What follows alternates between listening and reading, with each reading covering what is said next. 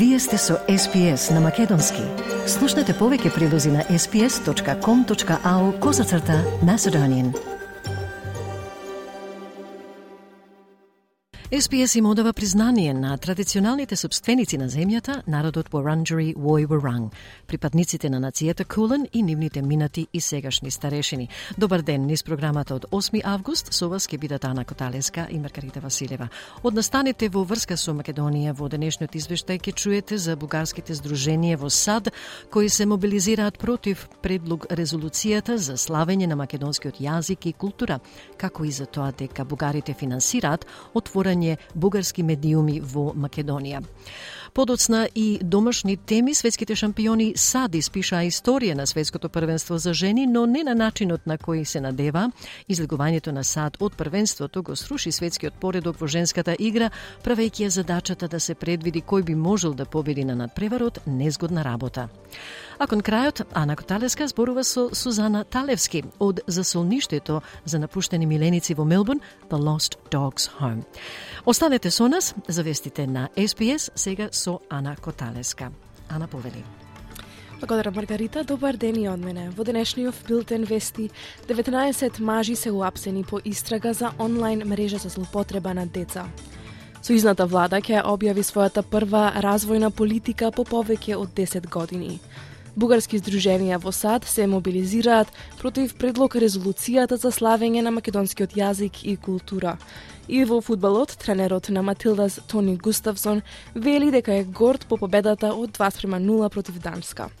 На СПС на Македонски следуваат вестите за 8 август 2023 година. Јас сум Ана Коталеска.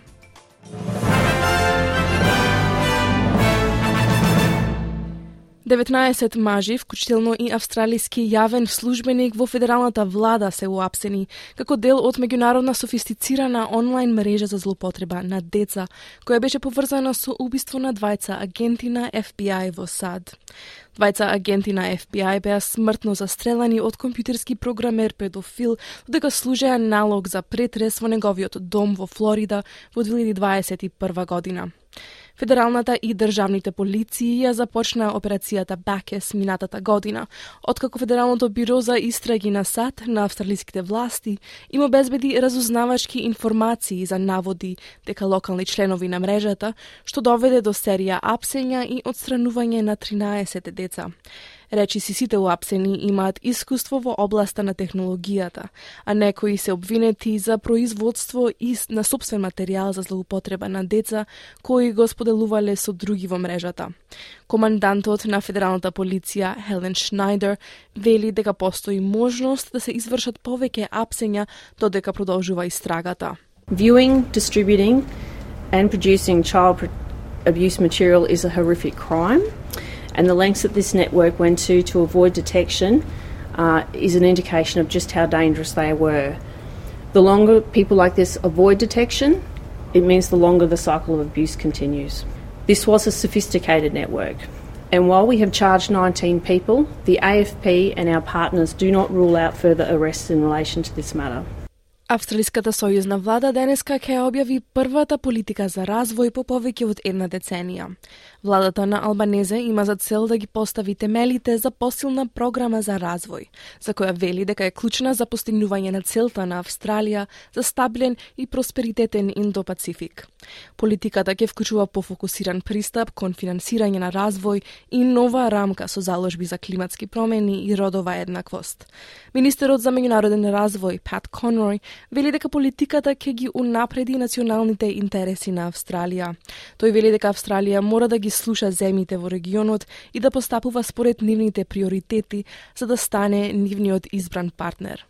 The requirement to have 50 and then eventually 80% of all programs over $3 million with a climate objective is listening to the priorities of the region. The entire Pacific, for example, has said that climate change is the number one existential threat uh, to the region and we need to take action. And that's why our development programs should have a climate objective as part of their policy. This is about listening to the region, acting on their priorities and making sure we're the partner of choice. Нови документи објавени од страна на Сојузната лабористичка партија открија дека Питер Датен блокирал приоритетни грантови за спречување криминал во домородните заедници како министер за внатрешни работи во 2019 година. Во документите се открива дека грантовите биле блокирани во корист на проекти за кои било утврдено дека ги фаворизирале историски успешните гласачки места на коалицијата. Исто така, откриено е дека тогашниот министер за внатрешни работи игнорирал шест домородни апликации за грантови во третиот круг од фондот за побезбедни заедници вреден 184 милиони долари, кога пренасочил милиони долари до проекти кои неговиот оддел ги рангирал како со висок приоритет. Лабористичката претеничка Мариан Скаймгор го критикуваше господин Датен и рече дека домородните австралици морат да, мора да знаат дека либералната партија не се грижела за нив во изминативе 10 години и ќе продолжи така. By this process and looking at this grants process, that explains a lot to Aboriginal communities, and I will certainly be making sure that my communication with those communities then I expose just how vulnerable they are under a Liberal government who didn't care for 10 years and continues not to care. Лекари во Канбера учествуваат во историски протест против проекти за фосилни горива, за кои велат дека можат да ги претворат Дарвин и Биталу Бейсен во жаришта на болести. Лекарите ги повикуваат политичарите да признаат што е во прашање, доколку продолжат со проекти во Беталу Бейсен и доколку потрошат 1,5 милиарди долари од парите на даночните обврзници на фабрика за преработка на газ и петрохемикалии во пристаништето на Дарвен. Стотици здравствени работници го подржуваат педиатрот Луиз Вудвард, која вели дека очајно посакува да работи во северната територија, да се грижи за болните деца, наместо да протестира во Канбера. Обштиот лекар Кейт Уайли од Аделаид вели дека се чувствува дека има должност да ги предупреди луѓето и владата за здравствените ризици. There's a wider health risk, which is climate change. Now, climate change is the greatest health issue facing humanity, and I can't sit by and watch that happen without doing my best. I have a duty of care to look out for the health of the Australian people, and I really would like our government to exercise its duty of care to look out for the Australian people too. And unfortunately, I don't think they're doing that with allowing these projects to go ahead. Во вести поврзани со Македонија, откако по иницијатива на Обединетата македонска диаспора, републиканскиот сенатор од Индијана Майк Брон, пред сенатот предложи резолуција со која се бара во септември да се слават македонскиот јазик, историјата и културата на македонците американци, се мобилизира бугарската американска заедница за попречување на оваа иницијатива. Како што пишува Труд, најстарата бугарска организација во САД, Пирин од Чикаго, заедно со други бугарски организации, ја продолжија кампањата со посветни писма против резолуцијата за македонскиот јазик, за која велат дека е полна со цитат фалсификати и манипулации. Бугарската кампања против предложената резолуција се случува во време кога македонските власти се обидуваат да обезбедат консензус за уставни измени, што треба да овозможат бугарите што живеат во Македонија да бидат внесени во македонскиот устав. И во спортот, фудбалската селекција на Австралија The Matildas ја совладаа Данска на светското првенство за жени и со тоа се пласираа во, во четврт финалето на Мундијалот. Австралија го порази светскиот број 13 со 2 спрема 0 во Сиднеј. Соединетите американски држави, Германија, Бразил и Канада веќе се исфрлени од Мундијалот, но Матилдите се пласираа во осми на финалето по само втор пат. Тренерот Тони Густавсон вели дека е горд на зрелоста на играчите. Denmark comes out and surprised us. 4 for 2, high press, did not shy away from the occasion. We knew that Harder was going to be um, hard to deal with in the space between the midfield and the back line. Um, I think we struggled first 50 minutes. Uh, but in tournament football, I've said it before, you need to play the game right in front of you and find ways to win. And, and the maturity of the players uh, showed tonight. Австралиската фудбалска репрезентација ќе се соочи со Франција или Мароко во сабота во Бризбен. И шокантно беше излегувањето од светскиот куп за жени на четирикатниот победник на турнирот и бранител на титулата Соединетите Американски држави по загубата од Шведска во тензична серија пенали. Ова е прв пат во историјата на светскиот куп за жени сад да бидат поразени пред полуфиналето, освојувајќи го во ведниот турнир во 1991 година. Елиминацијата на Соединетите држави го сруши светскиот поредок во женската игра, правејќи ја задачата да се предвиди кој би можел да биде победник на надпреварот незгодна работа. Селекторот на САД, македонецот Владко Андоновски, вели дека тоа е катастрофална загуба, но дека е горд на играта што ја даде неговиот тим. Тој изјави дека во моментов тој мисли на играчите, ги гледа во солзи и тоа го боли. Андоновски оценува дека тимот се бранеше многу добро и е горд на нив, но се чувствува длабоко погоден поради елиминацијата, додавајќи дека тимот заслужувал да победи на надпреварот. Right now all I think about is uh, the players. Okay, I see the players in tears, and it hurts, and that's all I can think about. The the team defended very very good. Uh, very proud of them and devastated for them that they you know we have to go out and the way we the, the way we did. I thought that we deserved a lot more. We deserved to win this game. I thought we created uh, enough to win this game. I, I thought that we uh, put up a, a, a fight, a battle.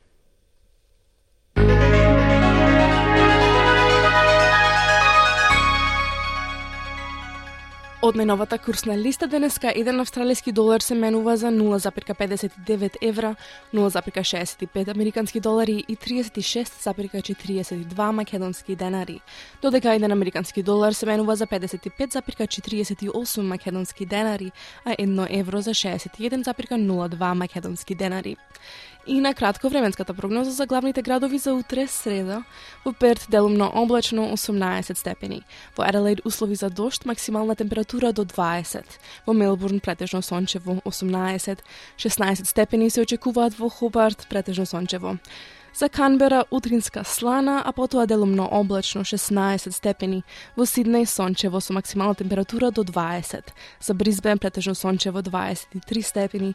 Во Дарвин претежно сончево 32 и за Елес Спрингс сончево 27 степени.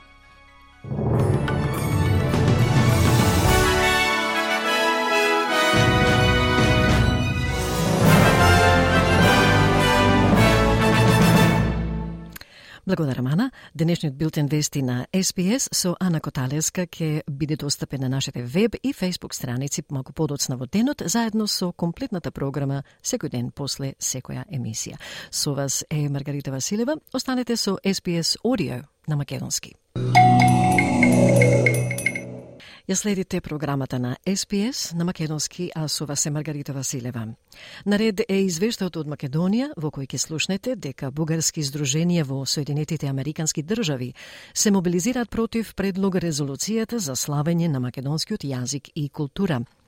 Бугарите финансираат отворање бугарски медиуми во Македонија. ВМРО ДПМН бара до објаснувања од премиерот Ковачевски по неговото викенд интервју дадено за МИА.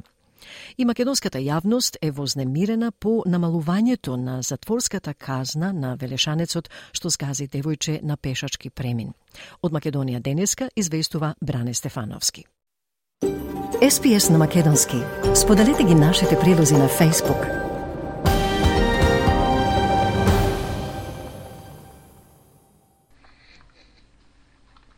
Откако по иницијатива на Обединетата македонска диаспора омада републиканскиот сенатор од Индијана Майк Брон, Преценатот предложи резолуција со која се бара во септември да се слават македонскиот јазик, историјата и културата на македонските американци, се мобилизира бугарската американска заедница за попречување на оваа иницијатива.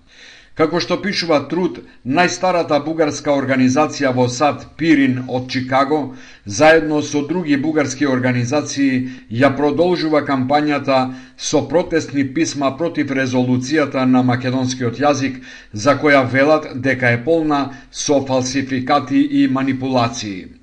Бугарската кампања против предложената резолуција се случува во време кога македонските власти се обидуваат да обезбедат консензус за уставни измени што треба да овозможи бугарите што живеат во Македонија да бидат внесени во македонскиот устав. По викенд интервјуто на премиерот Ковачевски за Македонската информативна агенција МИА, критики стигнаа од опозиционата ВМРО ДПМН, која коментира дека изјавите на Ковачевски се несериозни и нереални во однос на тоа дека бугарските државници нема да поставуваат дополнителни и нови услови на патот на Македонија кон ЕУ по евентуалните уставни промени. Портпаролот на партијата Наум Стоилковски на пресконференција рече – Бугарскиот председател Радев и бугарскиот премиер Денков и Ленденското востание го декларираа како бугарско, чија што крајна цел била присоединување на Македонија кон Бугарија. Ковачевски ова го премолче во интервјуто и нема ниту збор за него. Ковачевски ова го прифатил, па сега бара национален консензус, што значи со други зборови, други да ја споделат со него одговорноста за катастрофалната политика и дипломатија. Националното единство Ковачевски со неговата ароганција и игноранција пропушти да го направи пред точно една година. И тогаш и сега порачуваме. Промена на уставот под бугарски диктат нема да има. Здруженијето на македонците во Бугарија Омо Илинден Пирин пак на Фейсбук укажува на неколку настани од кои, како што велат, се гледа како Бугарија ги гради добрососедските односи. Здруженијето наведува четири настани, а тоа се инцидентите на навивачите на Лепски во Скопје, изјавите на Радев и Денков дека и Линденското востание го кренале македонските бугари, изјавата на српскиот министер Ивица Дачич кој бара реципроцитет од Софија во признавањето на малцинствата, како и последниот инцидент во кој бугарин го симна грчкото и го постави бугарското знаме во грчкиот град Кавала. За само десетина дена бугарите успеаја да деградираат и да дискриминираат четири различни народи, три земји и милиони граѓани од Македонија, Србија и Грција, заклучува Омо Илинден Пирин. Во меѓувреме Бугарската фондација Македонија објавува дека почнала да собира донации за пет медиуми во Македонија, од кои два се веќе активни. Во септември планираме да отвориме студио во Скопје, од кое ќе се емитуваат нашите програми и вести за нашата онлайн телевизија во Македонија, соопшти фондацијата преку Facebook. Фондацијата повикува секој да и донира колку што може за како што наведува да се подобри ситуацијата на бугарите во Македонија. Во истата објава на фондацијата стои дека таа деновиве ќе презела и фудбалски тим од Македонија за 15.000 евра кој би играл во втората македонска лига. Минатата недела фондацијата тврдеше дека дала понуда за купување на фудбалскиот клуб Вардар, што беше демантирано од клубот. Македонската јавност вчера ја вознемири веста дека апелациониот суд му ја намали првостепената пресуда на 28 годишниот велешанец Ангелче Николов од 18 на 8 години затвор, кој прегази 11 годишно девојче, а неговата мајка тешко ја повреди.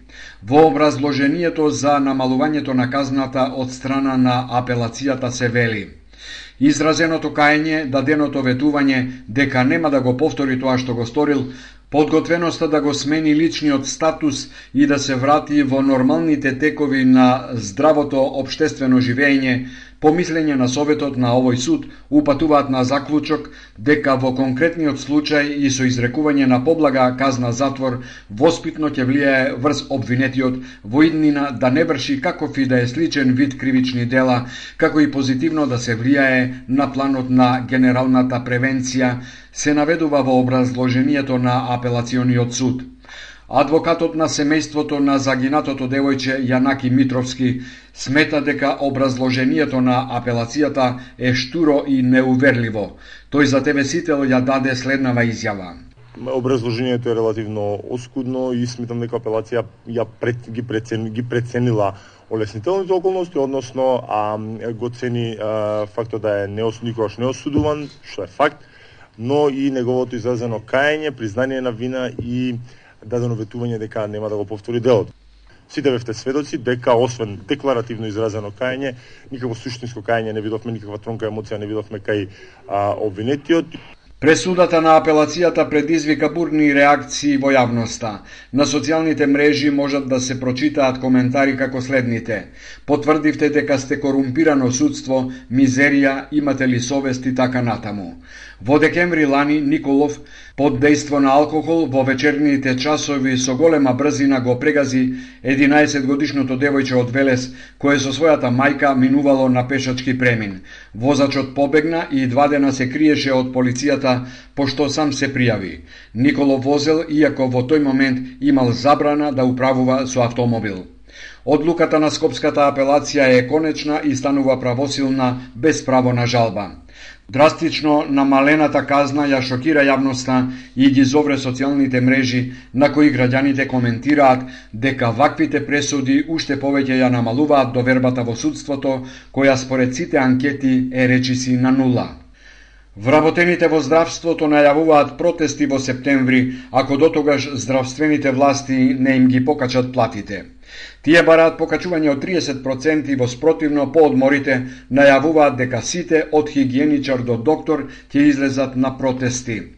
Боби Бојчевски од независниот синдикат на здравствените работници за медиумите изјави. Кога може некои на други вработени да им се покачува 30% платата, значи ние се осеќаме како дискриминирани во ова општество. Луѓе кои што целиот живот отргнале во науката, луѓе кои што се грижат за здравјето, мора да им се помогне на овие луѓе. Мора, ако не во септември, кажаме дека има масовни протести, Представниците на овој синдикат вчера на средба со министерот за информатичко општество добиле насоки како да ги решат работите. Тие бараат болничарите и негувателите да не се водат како помошно-технички персонал, туку како здравствени работници. Лазо Костовски од независниот синдикат на гериатрија изјави. Негователките кои што први влагаат кај пациентот, исто и болничарите, беа понижени до сега беа маргинализирани, затоа сега јас велам дека сум задоволен од денешната средба, успеавме барем нив да ги дистанцираме од минималецот. Минатата недела протести за септември најави и синдикатот на клиничкиот центар ако здравствените власти не направат корекција на платите кај илјадници здравствени работници чиј личен доход е под минималната плата. SPS на Македонски. Споделете ги нашите прилози на Facebook.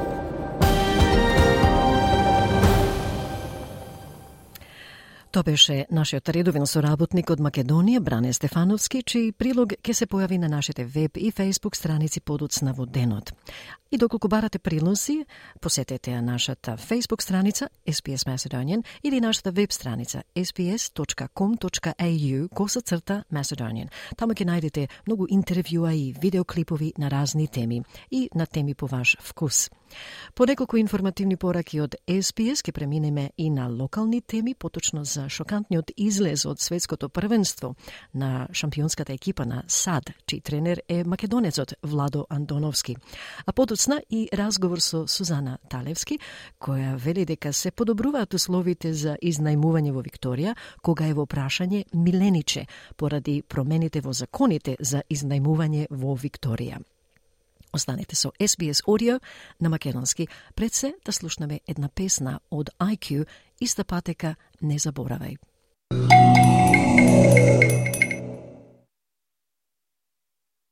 Останете со SPS на Македонски, со вас е Маргарита Василева. Продолжуваме со женскиот спорт кој на светското првенство во фудбал во Австралија и Нов Зеланд ги надминува сите очекувања низ целиот свет.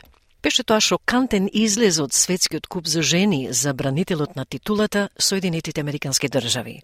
Четирикратниот победник на турнирот загуби од Шведска во тензично изведување пенали. Во знемирувањето го сруши светскиот поредок во женската игра, правејќи ја задачата да се предвиди кој би можел да го победи над преварот незгодна работа. Од прилогот на Сам Дојва за SPS News.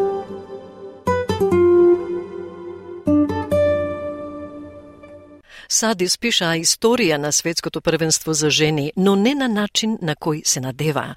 Играјќи против Шведска, тимот загуби 5-4 во пенал серијата, откако надпреварот заврши со 0 спрема 0 по продолженијата. Вака беа наречени последните моменти од играта од Опче Спорт.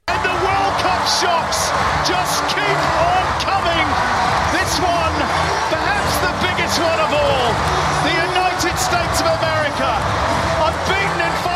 season in over a decade, are out of the tournament. и шоковите од светското првенство продолжуваат. Овој може би најголемиот од сите. Соединетите Американски држави без пораз во финалињата во повеќе од една деценија се надвор од турнирот. Ова е прв пат во историјата на светскиот куп за жени, бранителот на титулата Соединетите Американски држави, кој го освоја во ведниот турнир во 1991 година, да бидат поразени пред полуфиналето. Селекторот на САД, македонецот Владко Андоновски, вели дека тоа е катастрофална загуба, но дека тој е горд на играта на неговиот тим. Андоновски изјави дека во моментов тој мисли на играчите, ги гледа во солзи и го боли. Андоновски оценува дека тимот се бранеше многу добро и е горд на нив, но се чувствува длабоко погоден поради елиминацијата, додавајќи дека тимот заслужуваше многу повеќе да го победи над преварот. Right now all I think about is uh, the players. Okay, I see the players in tears and it hurts and that's all I can think about. The the team defended very, very good. Uh, very proud of them and devastated for them that they, you know, we have to go out and the way we the, the way we did. I thought that we deserved a lot more. We deserved to win this game. I thought we created uh, enough to win this game. I, I thought that we uh, put up a, a, fight, a battle. И на вистина беше битка со тоа што Соединетите држави имаа 58% од посет на топка и ги надминаа швегјанките со 21 спрема 8 со неверојатни 11 удари кон противничкиот гол во споредба со шведскиот тим. Шведскиот тим го издржа нападот за цели 110 минути од мечот, одржувајќи ја играта израмнета на нула. Но шведската голманка Зецира Мусович беше херој на надпреварот, одбранувајќи ги сите 11 удари према мрежата пред пеналите и го задржи својот тим во надпреварот. Самата Мусович остана скромна за благодарувајќи му се на стручниот штаб и рече дека победата е тимска работа. It was a good game from all of us. I think we we as a team as a we were well prepared from the coaching staff. Uh, I think we have the, the best coaching staff in the tournament, and which sets the tone and which gives us the opportunity to perform. Um, and that was the case tonight. Шведска ги победи Соединетите држави 5-4 на пенали во луда престрелка во која двете страни промашија клучни удари. Шведскиот напаѓач Лина Хуртиг го погоди победничкиот удар, иако голманката на САД Алиса Не ја одби топката на линијата и резултатот требаше да биде потврден со помош на видеоснимка. Моментот го пренесоа коментаторите на Опче Спорт. And it's all on Lina Hurtig.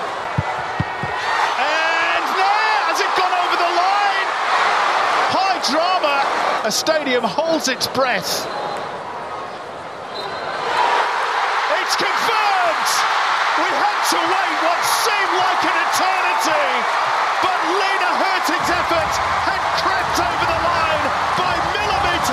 Навивачите на репрезентацијата на Шведска изјавија дека моментот на чекање да ја слушнат одлуката им ги запре срцата. My heart was up, you know, up, I don't know where it was actually, because it was so stressful.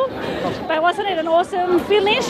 And you had no idea really what happened at the end, but then it just erupted and we won! Yeah! Hey, Australia! Во едно од големите изненадувања на надпреварот, легендата на фудбалот во САД Меган Рапиньо промаши клучен удар од белата точка исфрлајќи ја топката над голот.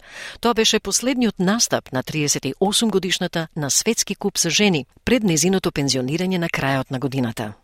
Таа за ESPN изјави дека чувствува како да целата работа да е некаква болна шега, како да има некоја мрачна комедија во тоа што промаши пенал во последниот надпревар од незината кариера. Yeah, it's a it's a tough one and there's just some some dark dark comedy and me missing a penalty in my last game ever. So, I mean, that's a sick joke. That's just like yeah, I mean that's a sick job. I just I can't believe it. I just like I never even I never even hit them over ever when they're saved. So yeah, I mean that's just how it goes. За Рапиньо ова беше четврти светски куп за жени. Таа беше клучен играч во победничката серија во 2015 и 2019 година, по која заслужи златна копачка за најдобар стрелец, како и наградата Златна топка за најдобар играч на турнирот во 2019 година. Рапиньо се смета како представник за фудбалот во САД во последниве години и незиниот активизам надвор од теренот, особено за правата на заедницата на LGBTIQ+, и еднаквоста во платите за фудбалерките, и донесоа пофалби од пошироко, но понекогаш и осуда. Американскиот селектор Владо Андоновски се обиде да ги замолчи критиките за звездата по грешката на пеналот, велики дека Рапиньо овој пат немала среќа. Андоновски вели Меган Рапиньо е легенда, број еден во светот, без прашање за тоа, но дека во фудбалот понекогаш топката ќе оди 2 сантиметри налево или 2 сантиметри надесно. Megan Rapinoe is a legend. If I had my life on the, li on the line right now and I had to pick who is going to take the penalty, Megan Rapinoe is going to be my first choice. Number one in the world, no question about it. It's a, it's a game of soccer. Sometimes the ball is going to go two inches to the left or two inches to the right. Овој американски навивач вели дека не бил лесен надпревар за гледање и дека останал со скршено срце. Oh, I just, uh, I mean, it was heartbreak. It's heavy. You know, I think, it, I don't want to say disappointed, but, you know, in a way disappointed. But I know that, you know, the effort for, from the team was, was there. And, uh, you know, I think they, they did what they could, and yeah, in, in the end, you know, I wish it would have been a better outcome, but that, that's it. But yeah, I, you know, heartbreak, I think, yeah. Овој петок Шведска во четвртфиналето ќе се соочи со Јапонија, репрезентација која покажа жестока победничка серија досега на овој турнир, победувајќи ја Норвешка со 3 спрема 1 минатата сабота. Со елиминираните САД, Германија, Шпанија, Канада и Бразил од 10 топ тимови и со ниско рангираните репрезентации на Нигерија и Јамајка, и Мароко, кои за прв пат се појавуваат на светското првенство, се уште во игра, ова светско првенство за жени станува се по непредвидливо.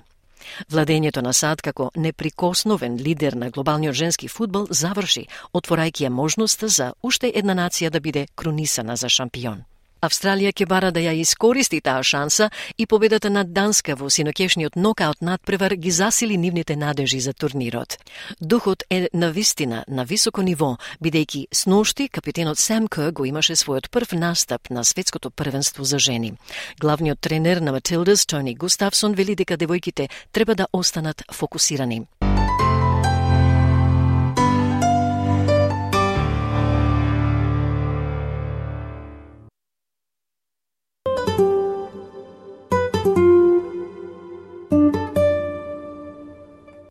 Референдумот за домороден глас до парламентот ќе се одржи подоцна оваа година.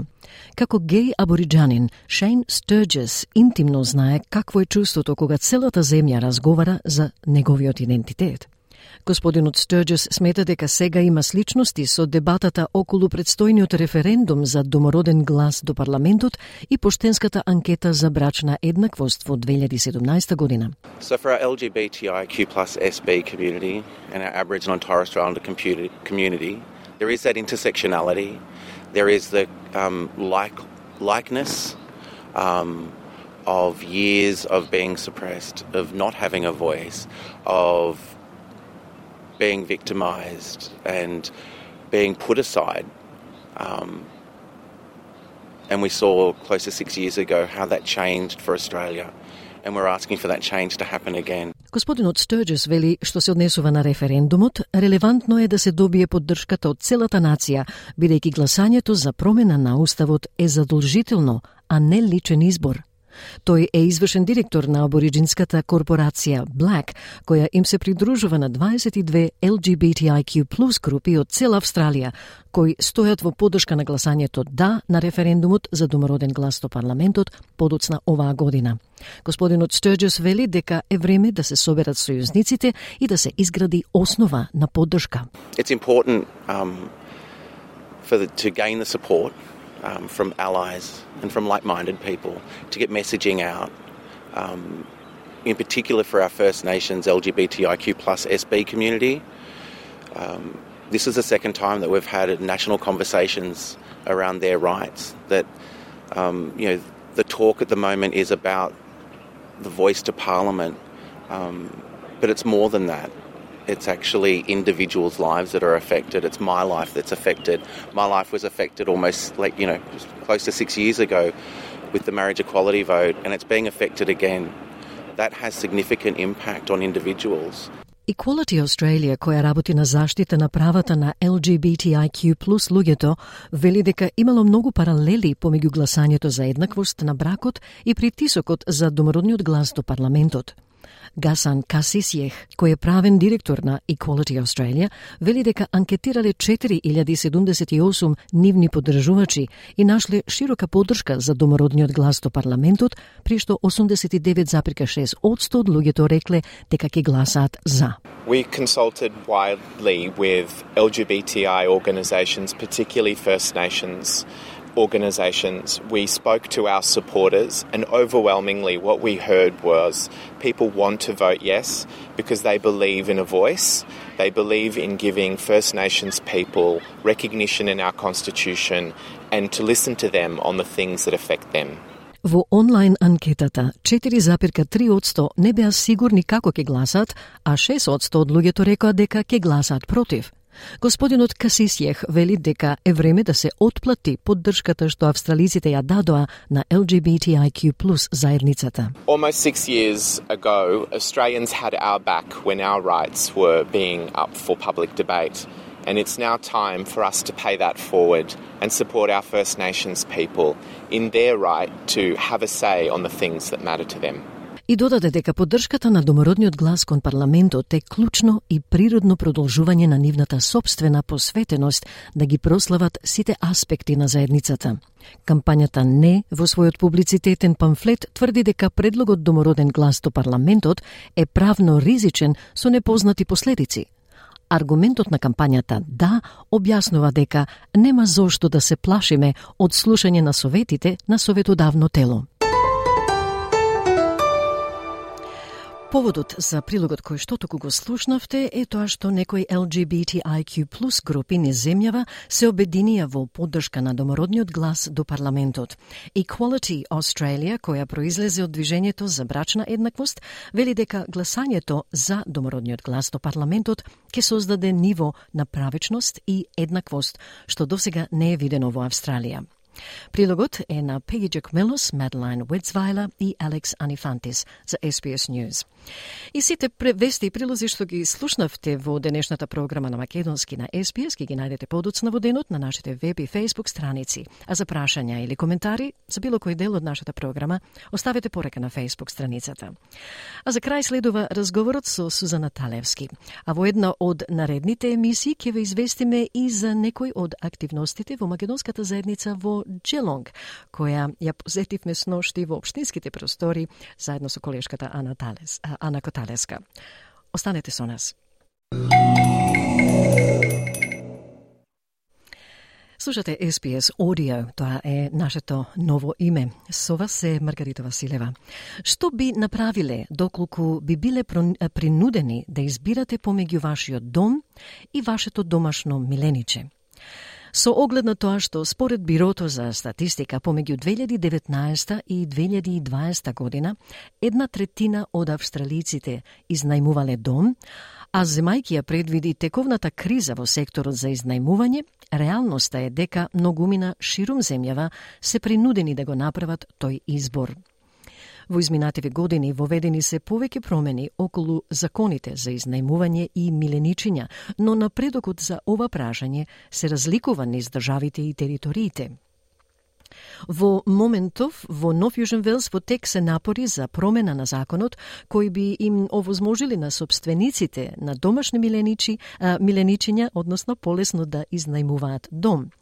Тасманија и Квинсленд неодамна направија чекори за да им ја отежнат можноста на собствениците на имоти за изнајмување да забрануваат домашни миленици во имоти за изнајмување, но тека дозволата се уште зависи од собствениците.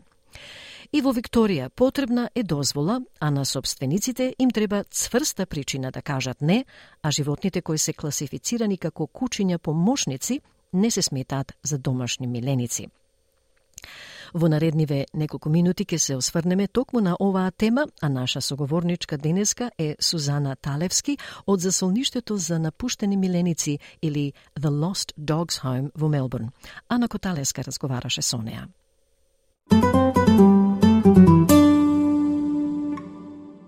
Сузана, добротворната организација за животни The Lost Dogs Home згрижува илјадници напуштени домашни миленици секоја година.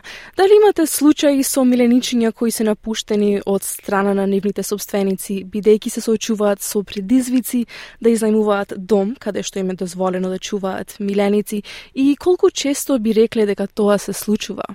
Пред, пред да се сменат законите, тоа многу пати заузме мачки и кучи на оти, а, не може да ја чуват луѓето дома.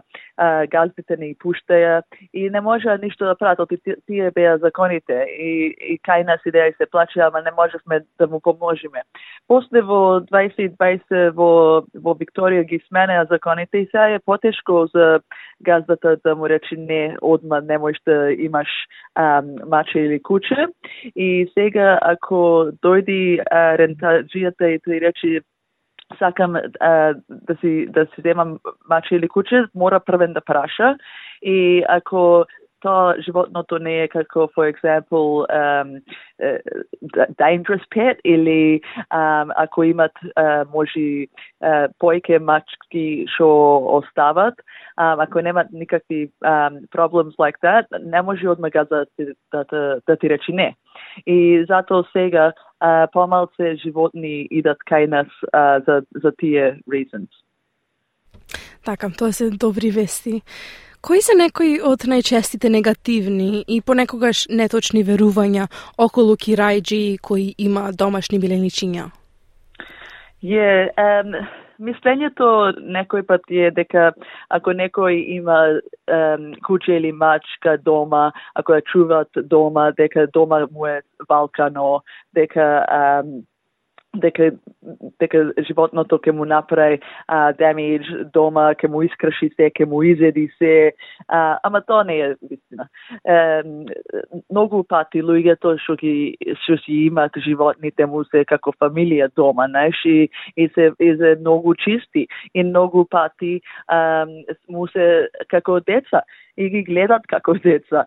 И само ако имаш ако имаш животно тоа doesn't mean automatically дека куќата ти е валкана или дека се ќе би јоки скршено внатре. Тие се тие се мислења од а, стари времена и, и сега појке не е така. Така.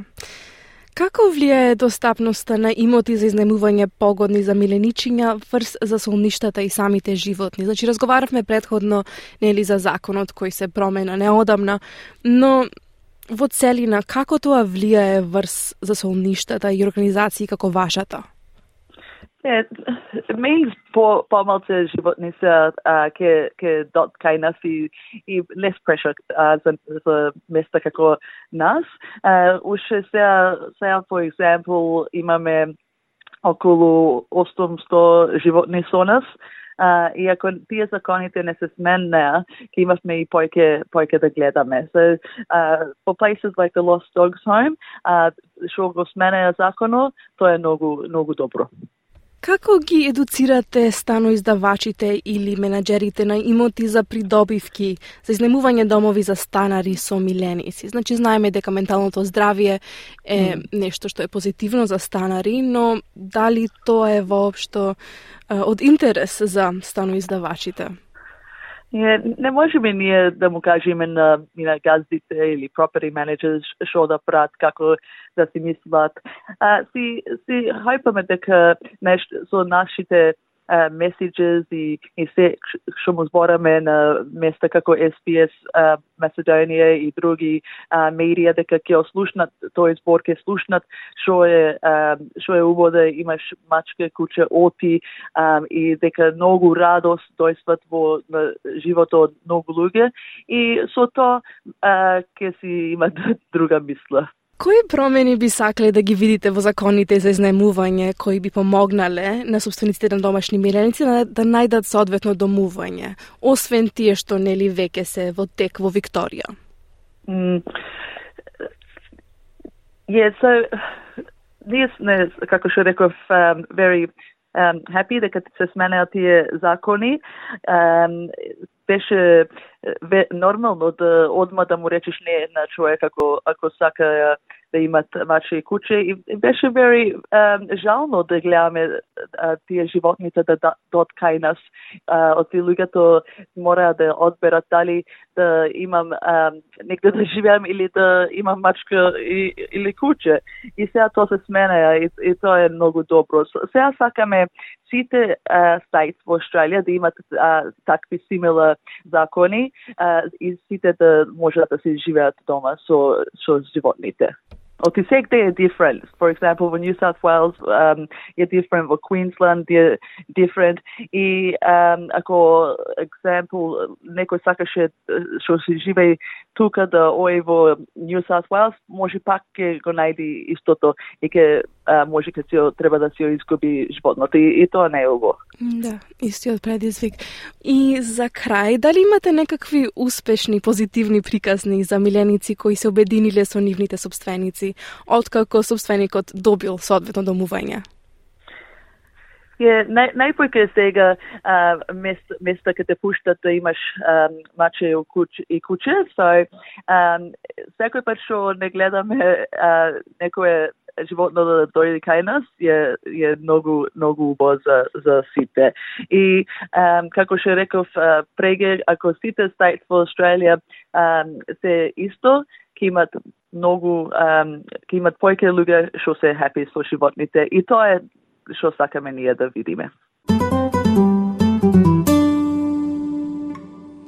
Ана Коталеска разговараше со Сузана Талевски од засолништето за напуштени миленици The Lost Dogs Home во Мелбурн, кои прават одлична работа во наоѓање нови домови за напуштени миленици. И при крајот од програмата да се подсетиме на главните вести на SPS. 19 мажи се уапсени по истрага за онлайн мрежа за злоупотреба на деца. Федералната влада ќе ја објави својата прва развојна политика во повеќе од 10 години. Бугарски издруженија во САД се мобилизираат против предлог резолуцијата за славење на македонскиот јазик и култура. И во фудбалот, тренерот на австралиските Матилдас, Тони Густавсон, вели дека е горд по победата од 2 спрема 0 против Данска синоќа.